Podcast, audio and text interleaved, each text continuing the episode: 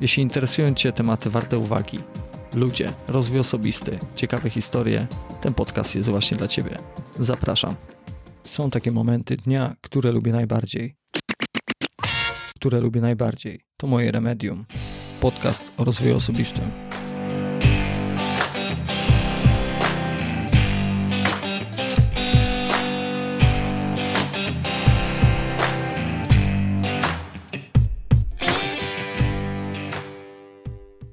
Warto wspomnieć jeszcze o tym, gdzieś w książkach, w informacjach, w social mediach. Coraz częściej ludzie uczą się oddychania głównie y, poprzez nos, zakrywając usta. Są nawet blokady poprzez różne urządzenia, które się wkłada do ust, bądź się zakrywa usta, nawet plastrem, żeby uczyć się poprzez odpowiednie techniki wykonywania tych ćwiczeń i też nawet przed snem, co warto wspomnieć, nie? To prawda.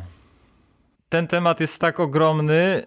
Nie ukrywam, że swojego czasu byłem na nim naprawdę bardzo mocno zafiksowany, więc o tym też mógłbym mówić dość długo. E, jeszcze z takich bardzo prostych, darmowych porad, właśnie tak jak tutaj powiedziałeś, zak zaklejenie plastrem ust na noc. To bardzo wiele zmienia. Zupełnie inaczej człowiek się budzi, wypoczęty. Wówczas nawet jesteśmy w stanie skrócić czas potrzebny na odpoczynek nocny szybciej się zregenerować. Plemiona indiańskie na przykład, wejdę tutaj w dygresję, bo o tym nie planowałem mówić, ale skoro już zaczęliśmy o tym mówić, to powiem co nieco.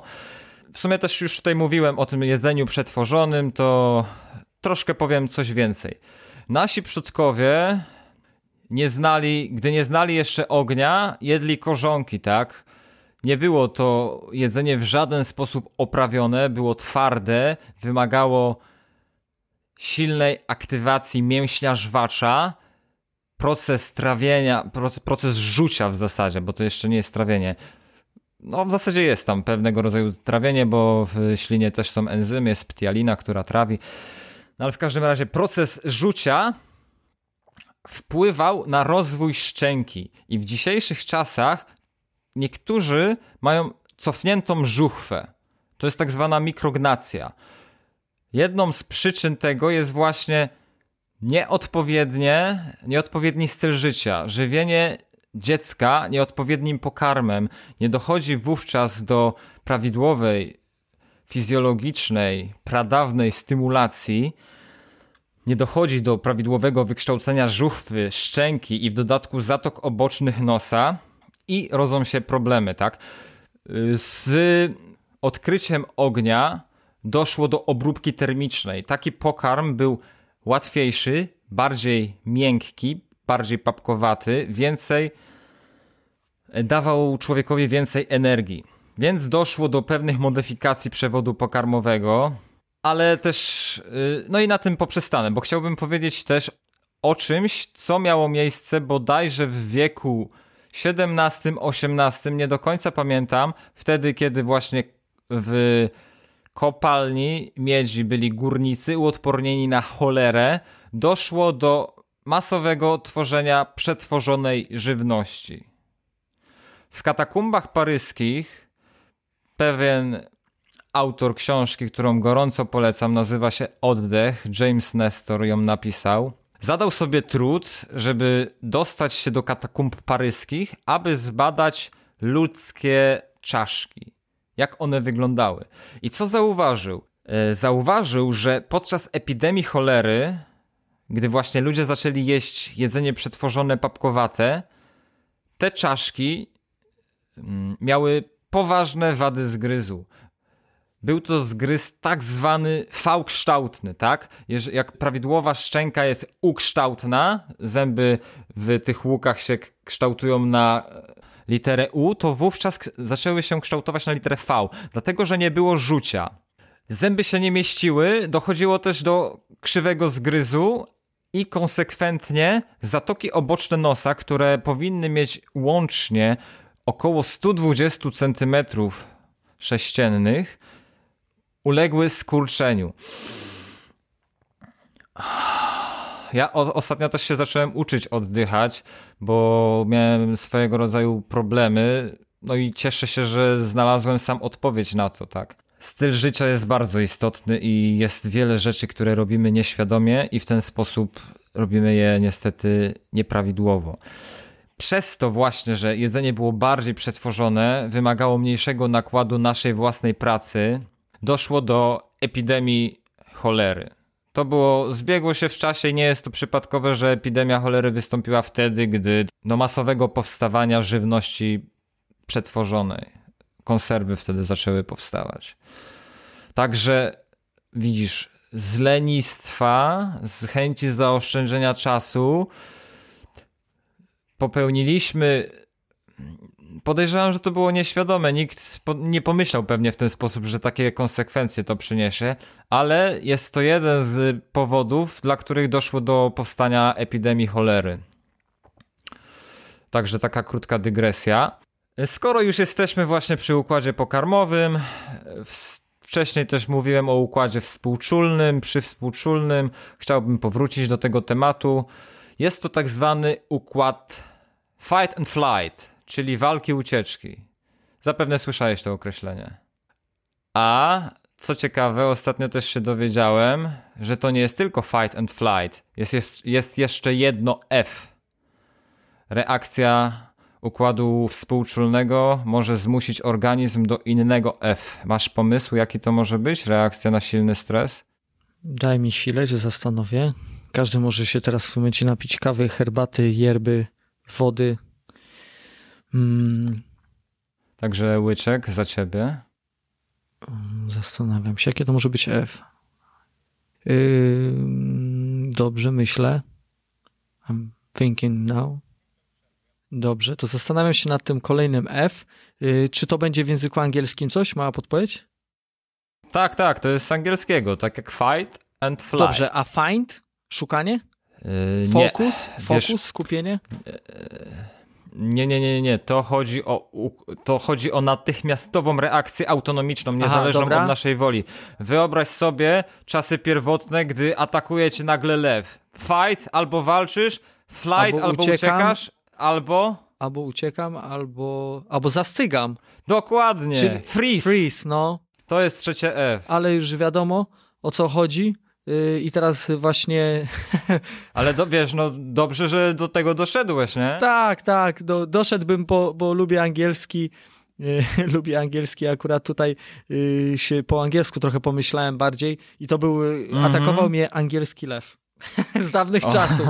I dobrze, dobrze, że mnie atakował, bo właśnie yy, mog, mogłem zastygnąć, ale nie zastygłem, tylko wygrałem i go zjadłem.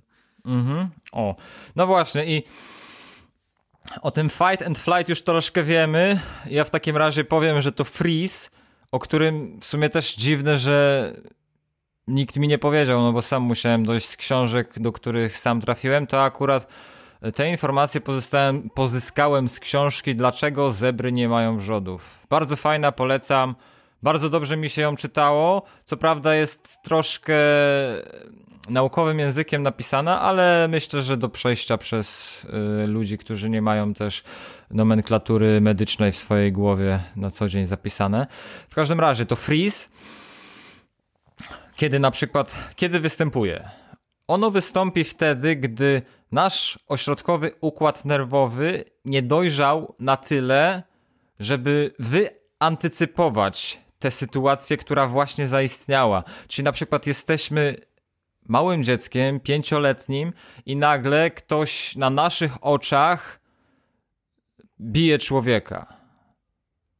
Przechodzimy sobie spokojnie ścieżką gdzieś tam i nagle widzimy, że ktoś rzuca się na drugiego. No i co takie dziecko małe może zrobić? Albo ucieknie, albo wstanie jak wryte i będzie patrzyło, co się dzieje, bo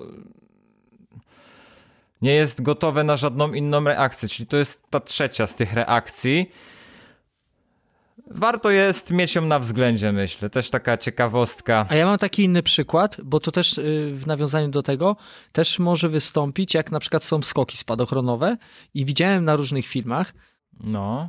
Był taki przypadek, że ktoś patrzmy na mózg, na, na to, że mózg nie znał tych przeżyć i ta osoba skakała pierwszy raz, nie był to skok w tandemie i miała wyskoczyć. I ona też zastygła, bo mózg, mózg też nie był przygotowany na to, co się stanie, działał zachowawczo. No właśnie. Yy, I yy, była obawa, instynkt samozachowawczy, żeby tego tak. nie robić, bo nie wiemy, co się stanie i lepiej za zachować się w taki sposób właśnie. Yy, czy dobrze mówię? Tak, tak, to jest też bardzo dobry przykład. Wiesz, gościu wiedział, że ma skoczyć, ale gdy już doszło do konfrontacji, że pozostał tylko jeden krok do zrobienia, to autonomicznie jego organizm zaczął dominować mhm. i jego wola nie mogła dojść do, do realizacji. To jest właśnie ta burza hormonalna, o której zaraz też troszkę więcej powiem. A ja nadmienię, że w Gliwicach jest Areoklub, z którego właśnie można skorzystać. Tam są specjaliści wysokiej klasy, którzy nas zabiorą tam do góry i z nimi wyskoczymy y, w tandemie y, i zobaczymy, jak to jest na przykład y, z kilku kilometrów podziwiać Gliwice, okolice, jak podziwiać świat, jak troszeczkę adrenalina zadziała na nas. Może niektórzy są, którzy mdleją, różnie jest w życiu, ale ja polecam, bo spadochroniarstwo bardzo ciekawa sprawa. Potem można jakiś kurs zrobić więc, więc polecam Aeroklub Gliwicki. Skomentuję to w taki sposób, bo dla mnie to jest nowość. Nigdy nie skakałem, chociaż bym chciał, ale mam pewne ograniczenia e, genetyczne. Mm, że próbowanie nowych rzeczy jest także podstawą wydłużającą nasze życie. Im dłużej jesteśmy czymś zainteresowani, próbujemy nowych rzeczy, koncentrujemy się na tu i teraz, tym dłużej możemy się cieszyć pełnią zdrowia. Próbowanie nowych rzeczy jest podstawą dłuższego życia. W taki sposób właśnie chciałbym to skomentować. I wracając właśnie do tego fight, flight, freeze. Chciałbym powiedzieć o te, bo wcześniej też wyleciały mi z głowy badania naukowe, więc wspomnę teraz o badaniach naukowych na temat układu autonomicznego, ale także o tych o, kil, o dwóch badaniach naukowych, które chciałem poruszyć przy temacie rytmu okołodobowego, no i niestety mi uciekły. więc zacznę od tych z rytmem okołodobowym. W 1729 roku francuski badacz Jean-Jacques Dortus de Meyron tak, nie, nie, nie uczyłem się francuskiego. W każdym razie Jean-Jacques, tak go nazywajmy, postanowił sprawdzić, jak wielki wpływ na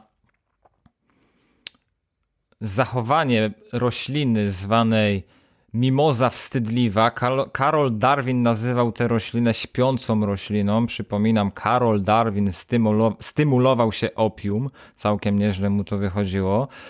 Ta mimoza wstydliwa przez tego Jean-Jacques'a została zamknięta w warunkach kompletnej ciemności. Żadnych okien, niczego.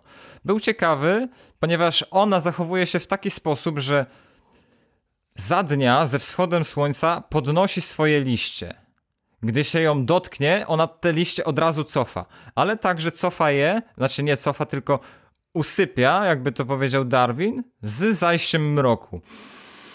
I Jean-Jacques chciał sprawdzić, czy słońce, konkretnie właśnie dostęp z światła niebieskiego jest konieczny do tego, żeby ta roślina zachowywała się tak, jak się zachowuje. Stworzył warunki kompletnego mroku, i badał tę roślinę w różnych momentach dnia. Wówczas wchodził z pewną latarką tam i sprawdzał, czy ta roślina faktycznie zachowuje się tak, jak się zachowywała wcześniej w ciągu doby. Odkrył, że tak. Na wieczór oklapywała, z rana się podnosiła. Było to przełomem i sugerowało, że ta roślina ma w sobie układ y, ma w sobie pewien właśnie regulator. W organizm, organizmie człowieka tym regulatorem jest jądro nadskrzyżowaniowe, o którym powiedziałem. Więc to było badanie, które pokazało, że nasz rytm jest właśnie dlatego okołodobowy, bo gdy nie ma słońca, jesteśmy w stanie prowadzić go nadal w podobny, w podobny sposób. Nie dokładnie identyczny jak ze Słońcem. A dlaczego? To zaraz powiem w innym badaniu. E, kolejne badanie, które miało miejsce około 100 lat później, dwoje naukowców, jeden młodszy, drugi starszy, nazywali się Kleitman i Richardson. Nie pamiętam, który był który. Stwierdzili, wydaje mi się, że mogłem też już mówić o tym w poprzednim podcaście, ale nie pamiętam, więc najwyżej się powtórzę. Stwierdzili, że zbadają, jak działa rytm okołodobowy człowieka i postanowili, że będą żyli w jaskini. Dość głębokiej, to była jaskinia mamucia w Kentucky. Weszli do środka, przygotowali się na to dobrze, no bo wiadomo, tam żyją różne istoty, które niekoniecznie są przyjaźnie nastawione do nas. Wzięli sobie łóżka, wzięli osiem wiader, nalali do nich wodę. E, nogi, nogi tych łóżek właśnie włożyli do tych wiader z wodą, żeby zabezpieczyć się, aby no nic po prostu nie weszło na nich, gdy będą spali. I spędzili w tej jaskini aż 32 dni. W odosobnieniu, w całkowitych ciemnościach. Co się okazało? Okazało się, że rytm dobowy tego starszego człowieka, on miał około 50, 40-50 lat. Nie pamiętam dokładnie, nie chcę przekłamać. Zaczął wynosić bliżej doby. 24 z hakiem. Rytm tego młodszego, który był dwudziestokilkulatkiem, wynosił 26-28 godzin. Wniosek stąd taki, że nasz rytm dobowy z czasem się skróca. Im jesteśmy starsi, tym mniej snu potrzebujemy. I to jest fizjologiczne. Fizjologicznie tego snu powinniśmy mieć nie mniej niż 7 godzin. I to już jest naprawdę przeciągnięte w dół.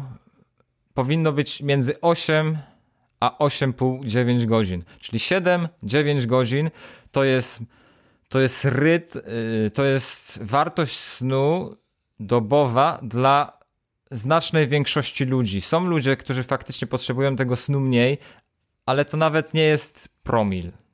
To jest jedna milionowa społeczeństwa.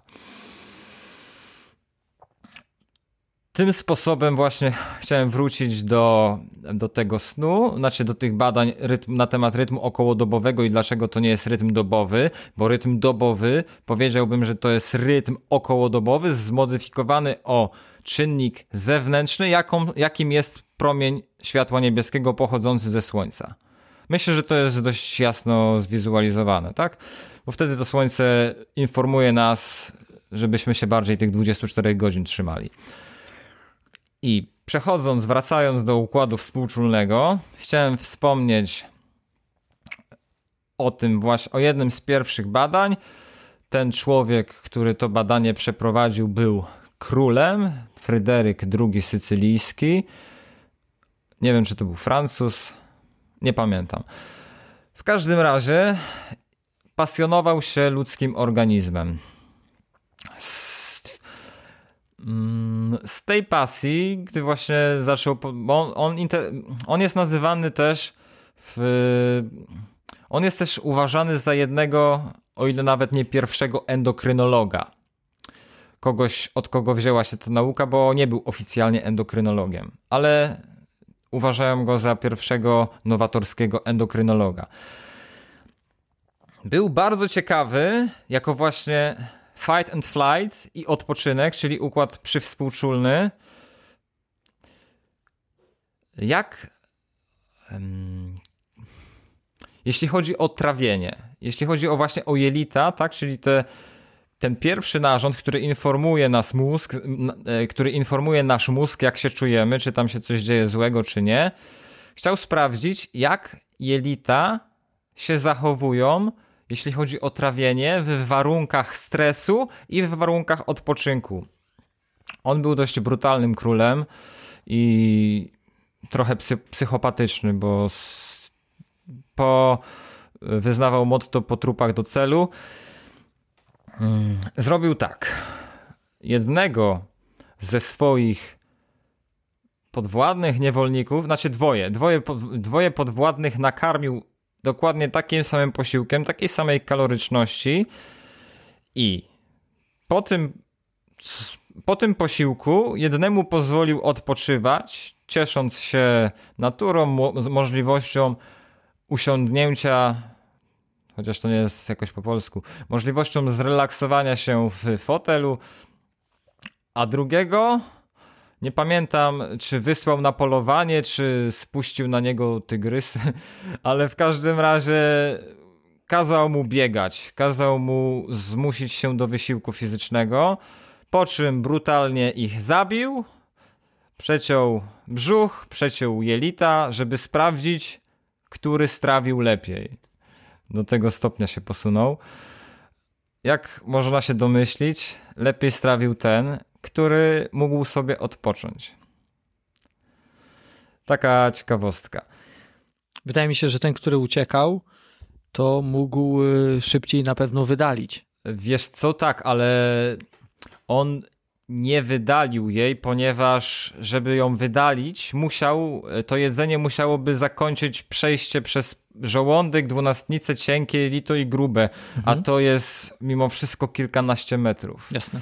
Więc nawet nie miał czasu, żeby ten posiłek się tam znalazł. W walce, Oczywiście. ucieczce, czy bądź, bądź zastygnięciu krew do jelit po prostu nie dopływa, bo jest zbędna. Nie jest potrzebne nam trawienie, kiedy my musimy włożyć energię w mięśnie. I w tym wypadku najbardziej są y, zawsze, u każdego człowieka, najbardziej energia wkładana jest w reakcji współczulnej w mięśnie nóg, e, bo służą do biegania.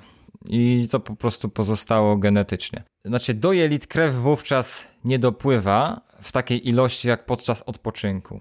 Kolejny przykład z układem współczulnym i przywspółczulnym jest też taki, albo też ich harmonia w rytmie okołodobowym jest taka, że współczulny dominuje bardziej za dnia, a przywspółczulny w nocy. Bo noc jest po prostu polo, jest porą relaksacji, odpoczynku. I teraz kilka takich ciekawostek, co z tego wynika. Astma. Tak, czyli wszyscy wiemy, co to jest astma, ale mimo wszystko powiem. Astma jest przypadłością, kiedy człowiek zaczyna się dusić, bo chce nabrać powietrza do płuc, ale te płuca są wypełnione powietrzem, nie jest w stanie tego powietrza wypuścić, bo dochodzi do obkurczenia oskrzeli. Najczęściej do zaostrzenia astmy zachodzi właśnie w nocy, dlatego że dominuje wtedy układ przywspółczulny i on obkurcza oskrzela. Taka ciekawostka, taki przykład po prostu y, działania tego układu. Inny przykład, naczynia krwionośne, układ krążenia. Też ci zadam jeszcze pytanie, y, czy wiesz, kiedy najczęściej dochodzi do zawałów serca w ciągu doby? Y, coś, coś mi świta.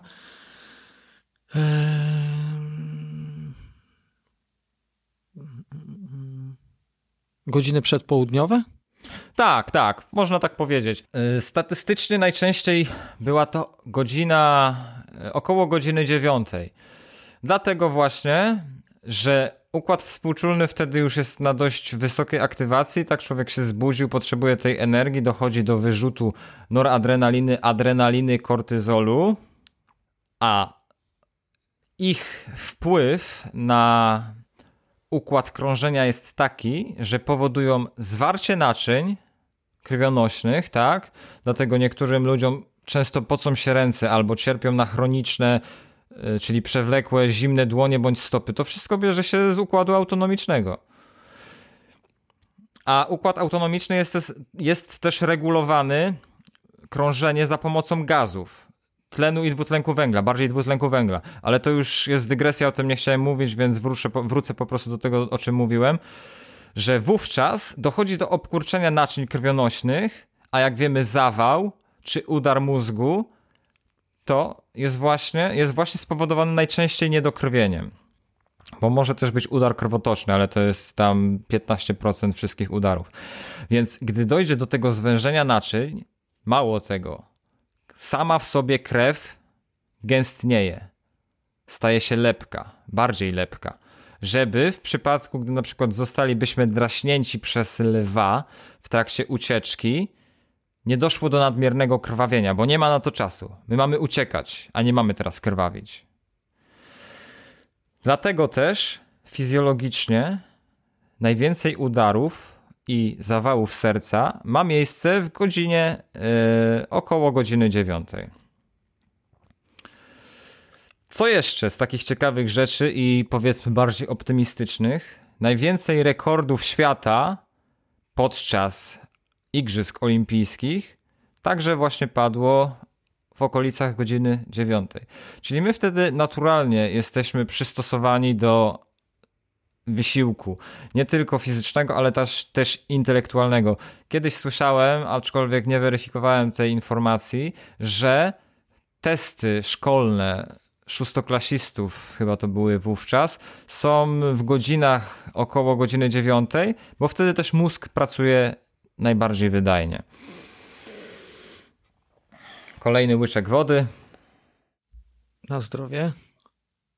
Mie miedzianka. Yy, jeszcze jeśli chodzi o rekordy olimpijskie i naszą dietę, gdy podczas Igrzysk Olimpijskich w Seulu przewagę znaczną miały Chińczycy. Podejrzewali ich o doping. Co się okazało? Trener chiński przyznał, że jedyne co dawał swoim, polecał swoim wszystkim, co polecał zawodnikom, których szkolił, był grzyb zwany kordycepsem. Po polsku jest to maczużnik bojowy. On, skoro już zacząłem o nim mówić, to jest grzybem pasożytniczym. Rośnie w Tybecie, przede wszystkim w Tybecie i żeruje na larwach ciem. W, bo ćma akurat tego gatunku, składając swoją larwę, pod ziemią rozwija się. I ten grzyb właśnie w okolicy takiej ćmy po prostu dominuje i programuje swój rozwój. Larwa umiera, on wzrasta. To też tak właśnie z tego powodu został nazwany maczużnikiem, bo kształtem podziemnym przypomina pewno, pewnego rodzaju maczugę, ale nad, nadziemnym również. Czyli można powiedzieć, że jest symbiotą dla, dla, tego, dla tej larwy? Nie wiem, czy to jest symbiotą, bo ona całkowicie umiera, więc to jest raczej. Czy do pewnego momentu, tak mi się wydaje, bo też y, czasami ten host y, zazwyczaj umiera. Jest kilka takich mhm. chyba nawet przy, przypadków w przyrodzie, nawet nie, nie, nie chyba, tylko na pewno. Jest, jest sporo, wiesz, naprawdę jest, yy, teraz już nie pamiętam do końca jaki, ale jest też taki grzyb, który sobie tworzy takie małe lasso i łapie okoliczne pod ziemią istoty na, na ten właśnie, na to, na to lasso i je do siebie przyciąga, także to, co tworzy natura jest samo w sobie zadziwiające, przynajmniej dla tak mnie. Tak zwany grzyb westernowy. Dokładnie. No.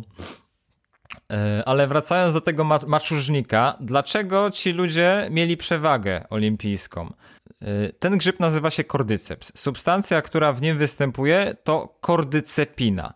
Ta kordycepina, z czego, e, z czego pamiętam, aczkolwiek to już dawno o tym czytałem, więc możliwe, że ta informacja nie, be, nie będzie 100%, w 100% prawdziwa, to jest 5 prim adenozyna. W każdym razie to jest jakaś pochodna adenozyny. A adenozyna, jak wspominałem w poprzednim podcaście o cząsteczce ATP, to jest trifosforan, trifosforan aderozy, tak, trifosforan adenozyny. Więc ten kordyceps jest po prostu substratem dla przyszłej cząsteczki ATP. Ja go suplementuję i zauważyłem właśnie u siebie Zauważyłem u siebie poprawę wydolności fizycznej. Byłem w stanie wykonywać więcej powtórzeń przy tym samym obciążeniu, bo też ćwiczę. Co było dla mnie zdumiewające i no zaskoczyłem się, bo to naprawdę kilka dni go suplementowałem i już zauważyłem te efekty i tak sobie myślę, co ja w zasadzie, dlaczego tak jest? I przypomniałem sobie, że nowym elementem mojej diety właśnie był wówczas kordyceps. Co jest też właśnie potwierdzone w tych. No, no, no, co było także zauważalne w tych Igrzyskach Olimpijskich w Seulu. Y, dobrze, ale chciałem powiedzieć co nieco o grzybach. Jeszcze z takich grzybów, które stosuję na co dzień, jest soplówka jeżowata. Ona jest inhibitorem monoaminooksygenazy. Monoaminooksygenaza to jest enzym w mózgu, który odpowiada za rozkład neuroprzekaźników takich jak dopamina, serotonina, noradrenalina i innych. Mm. Inhibitor monoaminooksygenazy, którym jest soplówka jeżowata, powoduje zahamowanie pracy tego enzymu, przez co tych neuroprzekaźników, czyli serotoniny między innymi, jest w mózgu więcej. Y, korzyść z tego płynie taka, że pozbywamy się depresji klinicznej, bardziej zapobiegamy na poziomie profilaktycznym przez prostą dietę, włączenie do swojej diety grzybów. Ale grzybem, o którym chciałbym dzisiaj powiedzieć więcej, może zgadniesz. Jest to grzyb, który rośnie powszechnie w lasach polskich. Yy, zaraz. Nie wiem, nie zgadnę na tą chwilę. Biało-czerwony. Muchomor? Albo tak. Chodzi o muchomora czerwonego. W przeszłości mojej edukacji miałem na temat jego błędne przekonania, że jest grzyb trujący. Tak nie jest. Chodzi głównie o muchomora sromotnikowego, który z naszej wątroby robi zupę w ciągu naprawdę kilku chwil. Muchomor czerwony jest zupełnie bezpiecznie metabolizowany przez wątrobę. Wracając jeszcze troszkę do chemii mm, i zawartości substancji, muchomor z łaciny to amanita. Muchomor czerwony to amanita muscaria. Natomiast muchomor sromotnikowy to była amanita. Nie pamiętam niestety nazwy gatunku. W każdym razie amanita od, od słowa amanita wzięła się nazwa substancji amanityna. Ona występuje w muchomorze sromotnikowym, który i ta substancja właśnie odpowiada za szkody, jakie są wyrządzane w ludzkiej w wątrobie. A w muchomorze czerwonym tej amanity. Przepraszam? Przepraszam, tam będzie amanita pcholoides? Możliwe, że tak. Pchaloides. Coś, coś takiego. Pchaloides. Sprawdziłem na wujku Google. Pchaloides. Coś takiego. W każdym razie w Amanita muscaria występują głównie dwie substancje. Muscymol i kwas ibotenowy. Kwas ibotenowy jest dość toksyczny dla naszego organizmu. I teraz taka anegdotka. Grzyby, jak już tutaj wcześniej wspominałem o liściach, pojawiają się jesienią, czyli za niedługo, nawet, nawet wcześniej, nawet późnym latem. W zasadzie to występują cały rok, ale akurat muchomor czerwony pojawia się już w sierpniu. Yy, chwileczkę. Tak, okej, okay, już wiem. Ogólnie kult tego grzyba był bardzo rozpowszechniony w krajach skandynawskich. Teraz opowiem troszkę w takim razie o tej historii, bo no, na mnie zrobiła duże wrażenie i takie wielkie wow, jak ją usłyszałem pierwszy raz, a potem yy, no, chwyciłem za książkę, w której okazała się też ta historia ukazana. Mm, w każdym razie właśnie, w dawniejszych czasach w Skandynawii gdy jeszcze byli berserkerzy i nawet wcześniej, muchomor czerwony był uważany za bardzo cennego grzyba. Muchomor czerwony, muchomorem czerwonym mogli się delektować tylko rody królewskie. Zbierany był właśnie w miesiącach zimowych, y, w miesiącach jesiennych, późnoletnich, odkładany był do suszenia, takie suszenie właśnie ma na celu pozbycie się tego kwasu ibotenowego i jego, to było chyba reakcja dekarboksylacji, ale nie pamiętam, yy, przekształceniu w muscymol. Ten muscymol jest, nie jest aż tak toksyczny dla organizmu. Nie jestem pewien, czy w ogóle jest toksyczny. W każdym razie ten proces najczęściej zajmował około 3 miesięcy. I teraz zauważ tę zbieżność. Mamy wrzesień, po trzech miesiącach jest grudzień. Yy, najczęściej właśnie taki muchomor był suszony w skarpetach nad kominkiem. W grudniu przylatuje Mikołaj, który jest, którego główne kolory to są właśnie biel i czerwień. Nie jest to przypadkowe. W grudniu także są latające renifery. Wzięło się to stąd, że na zasadzie obserwacji zwierząt e, widzieli właśnie, ludy skandynawskie widziały, że te renifery zachowują się inaczej po spożyciu muchomora czerwonego. One go tak jadły na surowo, no bo sobie nie ususzyły. Więc stwierdzili, że zrobią to samo. I muchomor czerwony przez niektórych także nazywany somą.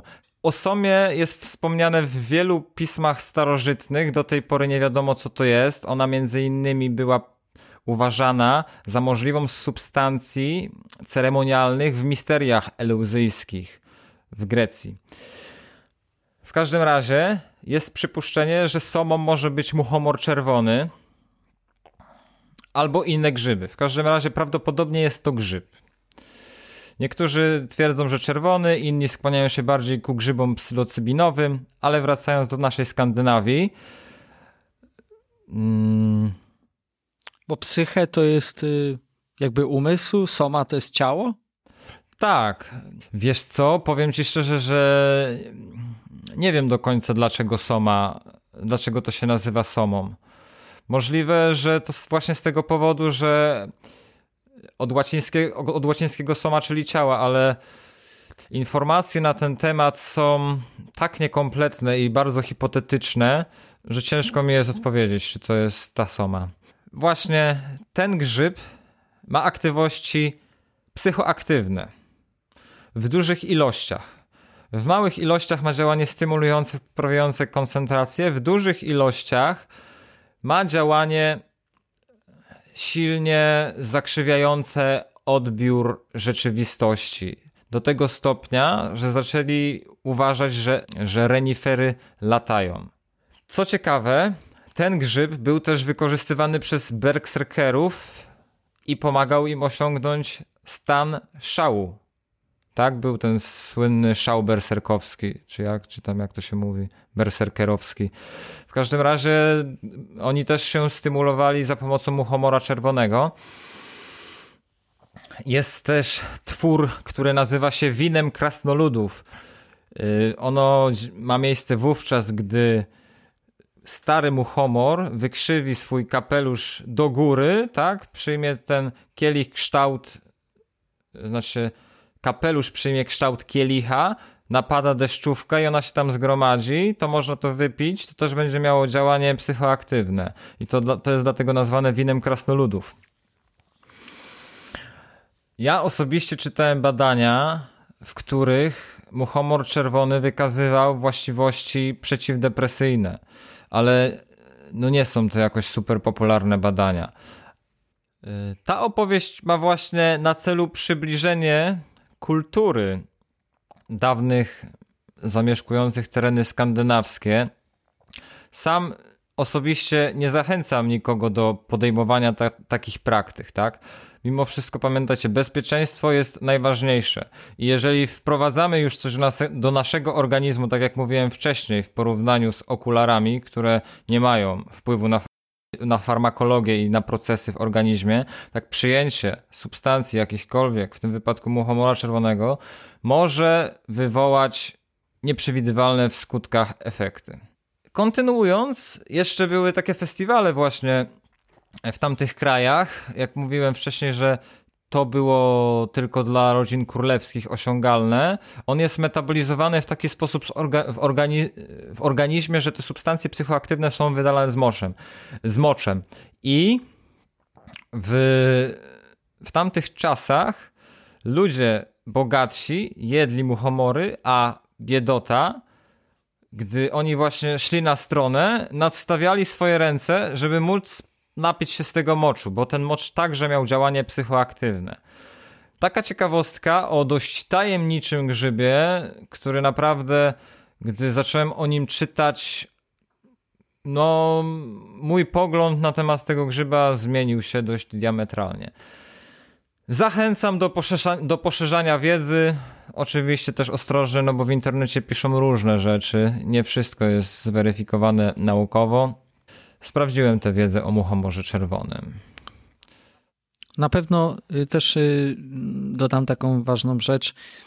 Każda informacja, którą się słyszy w internecie, y, powinno się ją zweryfikować zdroworozsądkowo, bezpiecznie, analizować pewne rzeczy. To, co my tutaj opowiadamy, co przedstawiamy, jest, tak jak w poprzednich odcinkach mówiliśmy, są to ciekawostki, są to informacje. Jeżeli zostały sprawdzone przez nas, to zostały sprawdzone przez nas każdym razie można samemu poszukać taki, takowych informacji, można się zaznajomić. Nie zalecamy do praktyk jakichkolwiek, które są niezgodne z prawem oraz które są niezgodne z logiką zdrowego myślenia.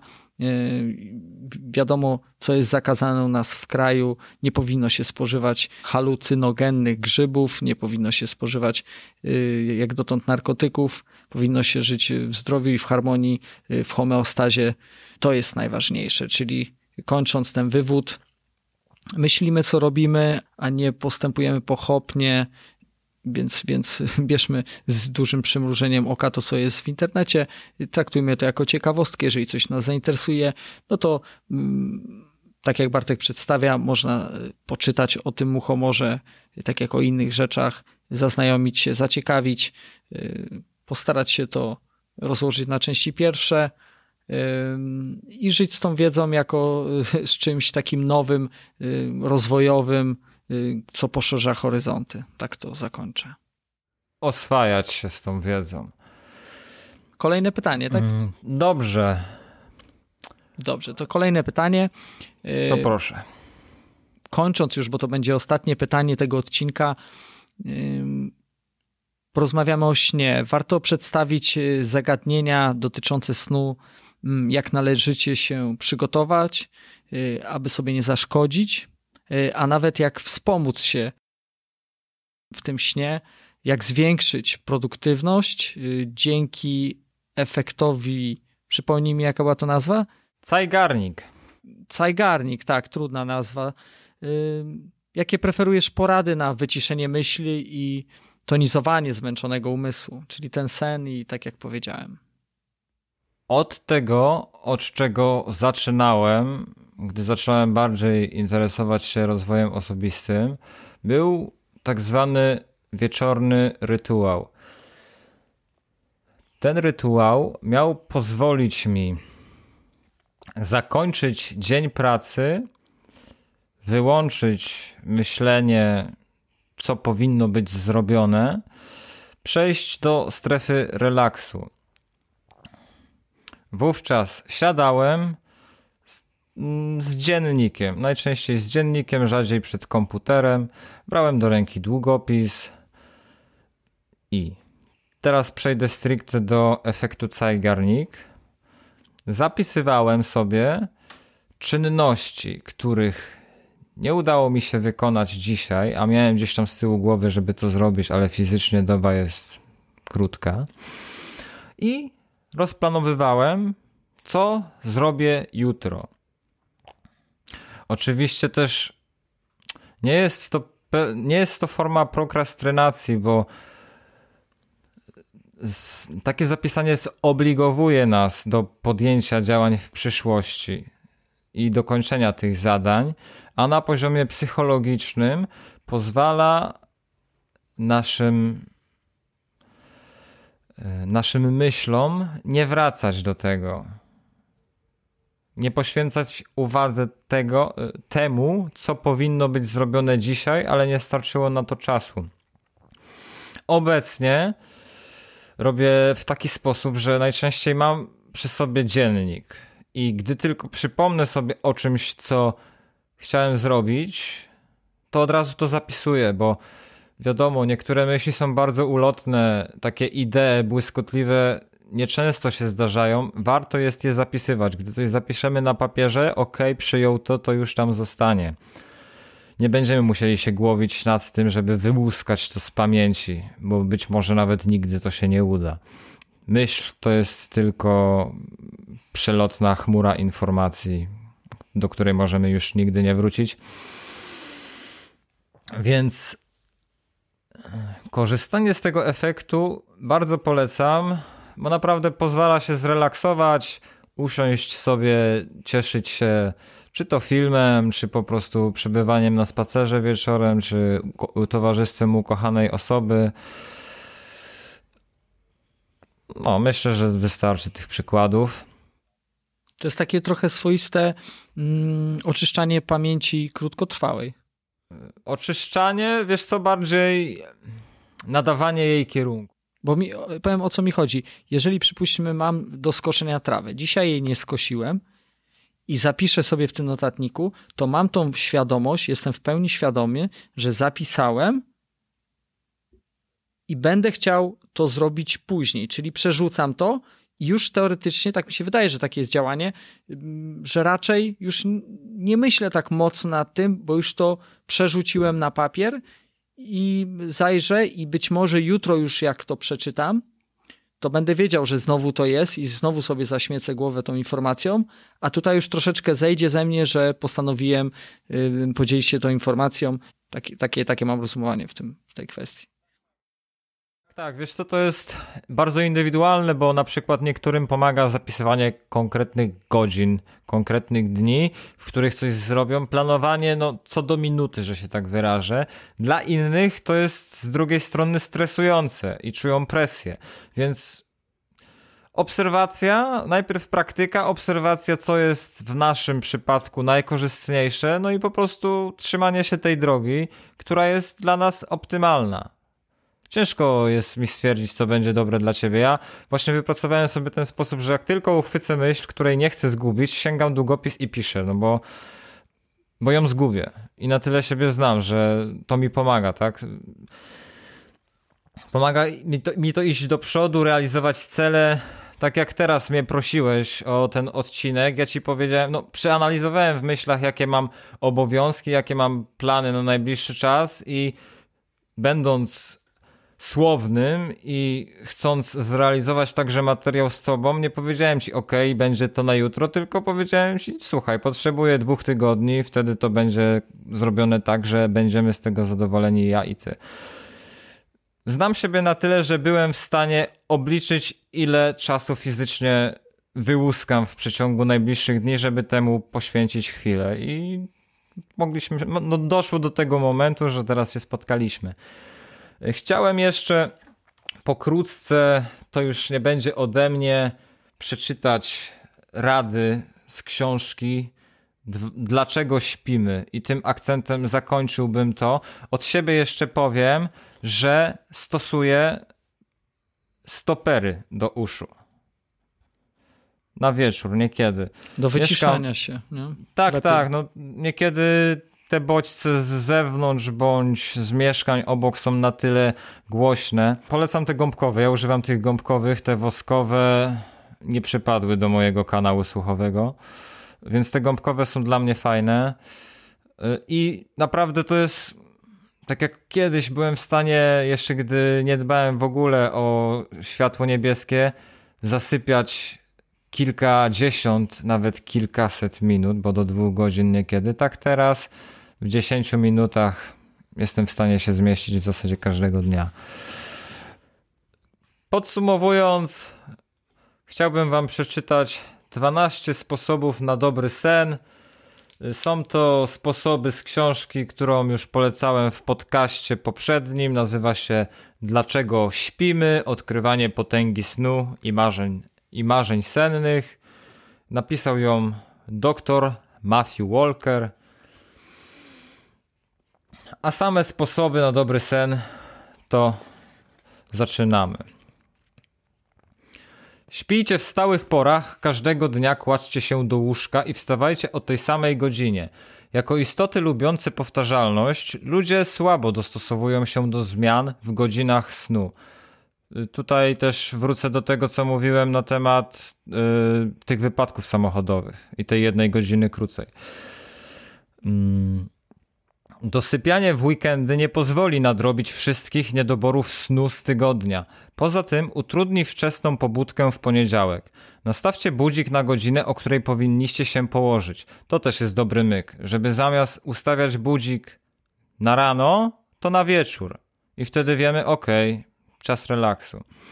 Wiele osób korzysta z budzika, żeby wstać o odpowiedniej porze rano, ale nie robi tego wieczorem.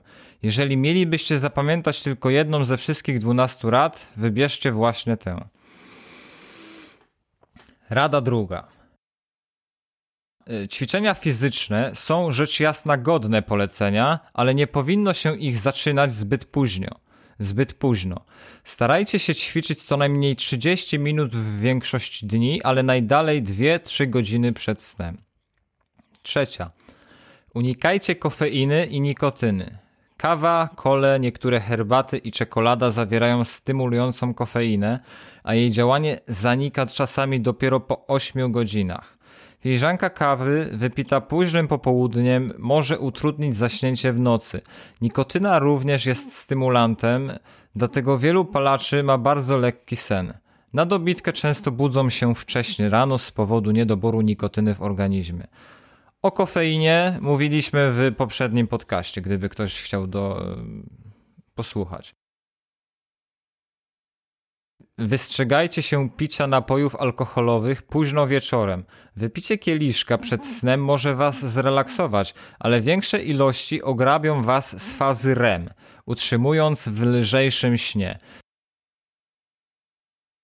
Y, spożywanie dużych ilości alkoholu może również spowodować problemy z oddychaniem w nocy. Zdarza się też, że człowiek budzi się w środku nocy, kiedy wpływ alkoholu na organizm ustaje. 5. Wystrzegajcie się spożywania obfitych posiłków i picia dużych ilości napojów późno wieczorem. Możecie coś przekąsić, ale duży posiłek grozi niestrawnością, która zaburzy sen. Picie zbyt dużych ilości napojów zwiększa ryzyko, że się obudzicie, żeby pójść do łazienki. Jeżeli to możliwe, unikajcie zażywania lekarstw, które opóźniają zaśnięcie lub zaburzają sen takie niepożądane działania, e, takie niepożądane działanie mają niektóre z przepisywanych często przez lekarzy środków na choroby serca, ciśnienie i astmę, czyli coś o czym już mówiliśmy dzisiaj. A także wiele ogólnodostępnych, w tym ziołowych lekarstw na kaszel, przeziębienie i alergię. Czyli zobaczcie ile tego jest.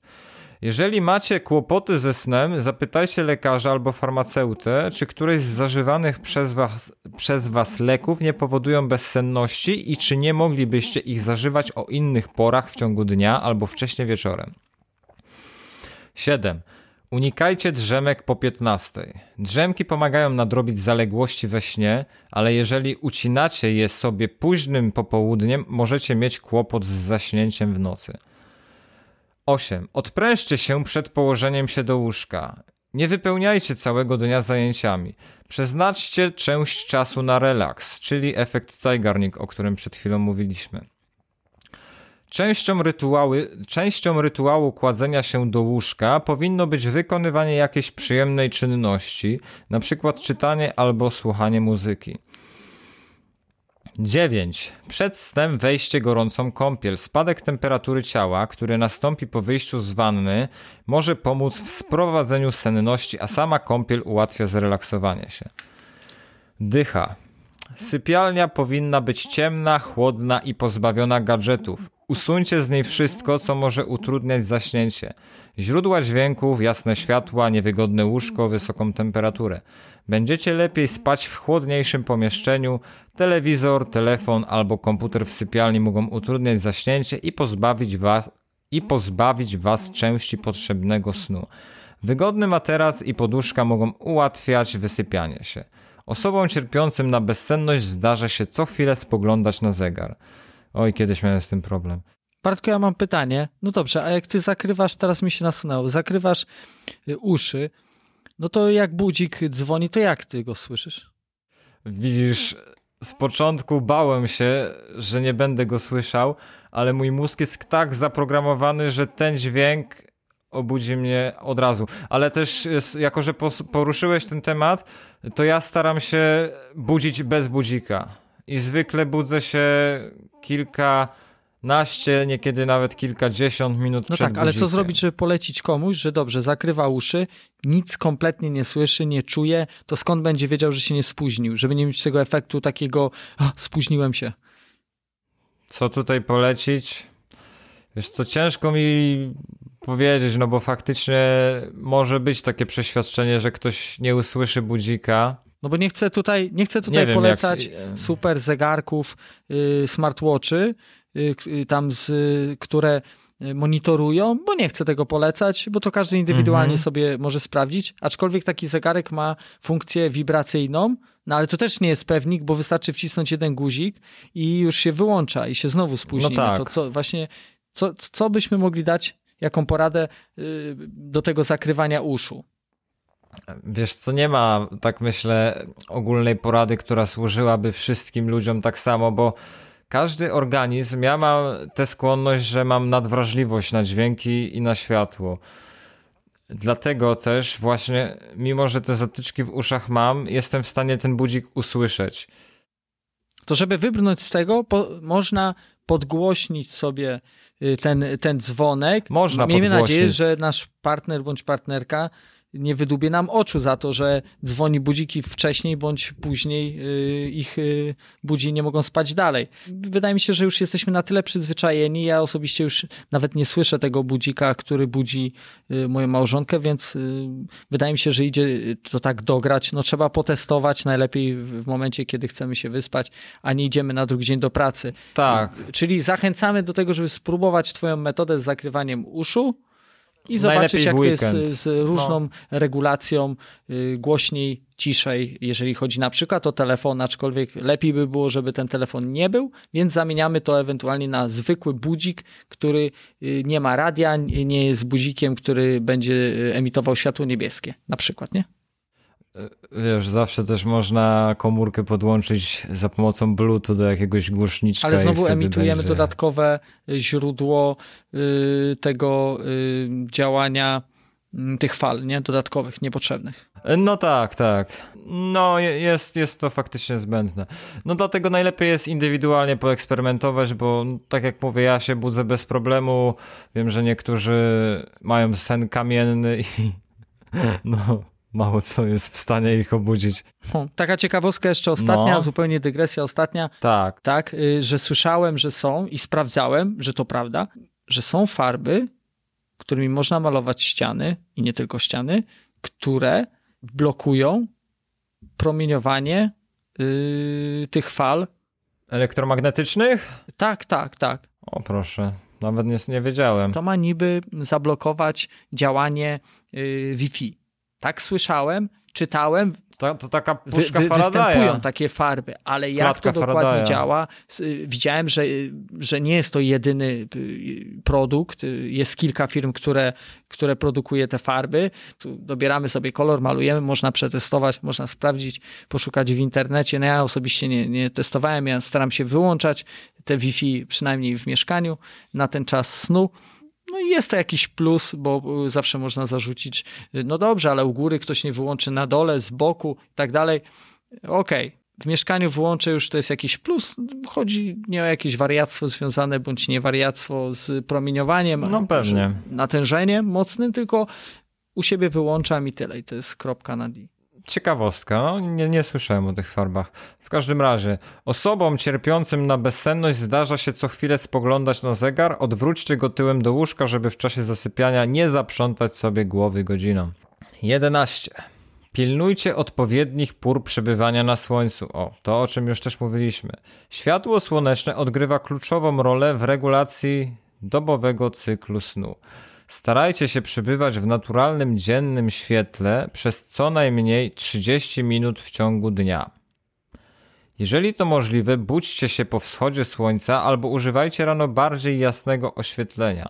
Specjaliści zalecają, żeby osoby mające problem z zaśnięciem wychodziły na godzinę, ra wychodziły na godzinę rano na słońce i zmniejszały oświetlenie w domu przed położeniem się do łóżka. Czyli to, o czym był dzisiejszy odcinek. Kiedy 12. Kiedy sen nie, kiedy sen nie nadchodzi, Nie leżcie w nieskończoność w łóżku. Jeżeli nie udało się Wam zasnąć w ciągu 20 minut od położenia się do łóżka, albo zaczyna Was ogarniać lęk czy niepokój, wstańcie, zabierzcie się do wykonywania jakiejś relaksującej czynności, dopóki ponownie nie poczujecie senności. Niepokój związany z niemożnością zaśnięcia może utrudnić zaśnięcie. I tym akcentem chciałbym właśnie podziękować Wam wszystkim za wysłuchanie. Proszę też o jakieś komentarze na temat mojego stylu mówienia, ponieważ nie ukrywam, jest dla mnie nowość. Swojego czasu byłem osobą bardzo zamkniętą w sobie. Zaczynam mówić dopiero od niedawna, a co dopiero mówić przed publicznością dla ludzi, żeby wyciągnęli z tego wartość. Więc będę bardzo wdzięczny, jeżeli napiszecie, co jest ok, co warto zmienić. Nawet ja jestem tego typu osobą, która bardziej ceni sobie konstruktywną krytykę, więc jeżeli macie coś do mnie, coś wam się nie podobało i faktycznie warto to zmienić, śmiało mówcie, ale jeżeli jest to po prostu hejt, który ma nic nie wnosić do mojego życia, to darujcie sobie. Za konstruktywną krytykę jak najbardziej za. Nawet bardziej bym chciał to usłyszeć, co mogę w sobie zmienić, bo jestem osobą, która dąży do perfekcji i staram się pracować nad sobą we wszelkich możliwych aspektach. Także z mojej strony to tyle. Dzięki Darku. No ja chciałbym Ci podziękować, Bartku, za, za te słowa szczerości, które tutaj przedstawiłeś. Jest mi bardzo miło, że, że się poznajemy, że jakiś czas już nagrywamy. Jestem wdzięczny, że, że tak ogromną wiedzę, którą posiadasz, jesteś w stanie się podzielić y, i ze mną, i ze słuchaczami, że tworzymy coś wspaniałego, coś ciekawego, coś, co na pewno też znajduje się oczywiście na internecie, y, ale my robimy, jak to się mówi, swój content. My robimy to razem, poznajemy się, dowiadujemy się. Y, przecież jest tak dużo tych rzeczy na świecie, przeróżnych, ciekawych, fascynujących przerażających, które można przedstawić, powiedzieć, opowiedzieć, każdy opowie inaczej. Dlatego ja uważam, że, że cieszę się bardzo, że na, natrafiłem na ciebie, że taką mam okazję y, czerpać tą wiedzę i uczyć się wielu rzeczy ciekawych, trudnych, y, bardzo rozbudowanych. Y, nie jest łatwo słuchać takich odcinków, też mogę dodać, bo są bardzo skomplikowane. Trzeba się zatrzymać na chwilę i zastanowić nad wieloma kwestiami, które występują w tym odcinku, y, które występowały w poprzednich, y, ale myślę, że istnieje coś takiego jak pauza y, i można zapauzować taki podcast, można przeczytać gdzie indziej, coś się pointeresować, potem można do tego wrócić ale wy też macie swoje życie i też zachęcam do tego, żebyście przeżyli je jak najlepiej. Ja życzę wszystkiego najlepszego każdemu z was, każdemu z osobna, żeby się rozwijać, żeby poznawać siebie, poznawać siebie wewnętrznie, poznawać swoją duchowość, medytować, poznawać zimno. Polecam tutaj książkę ostatnio, która wpadła mi w ręce, którą otrzymałem w prezencie. Książka Dzikie Pływanie. Y, jest to wspaniała książka Leszka Naziemca którą będę też niedługo czytał, jak już troszeczkę zimniej się zrobi, bo mam też inne książki do przeczytania, ale mm, poznać zimno. Też taki odcinek będę chciał z Bartoszem zrobić na temat zimna. Y, pewnie ten odcinek też będzie trwał z godzinę. Podejmę się tego. Więc czekamy na, na y, odbiór wasz. Ja pozdrawiam z tego miejsca i dziękuję za odsłuch tego odcinka. I zapraszam do kolejnych odcinków podcastu Remedium, podcastu o rozwoju osobistym.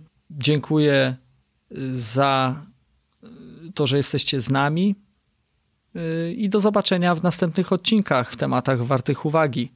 Cześć. Ja również raz jeszcze dziękuję. Pozdrawiam wszystkich. Dla wszystkich dużo miłości, ciepła, tego, czego Wam po prostu trzeba na co dzień. Trzymajcie się. Do usłyszenia. Do usłyszenia.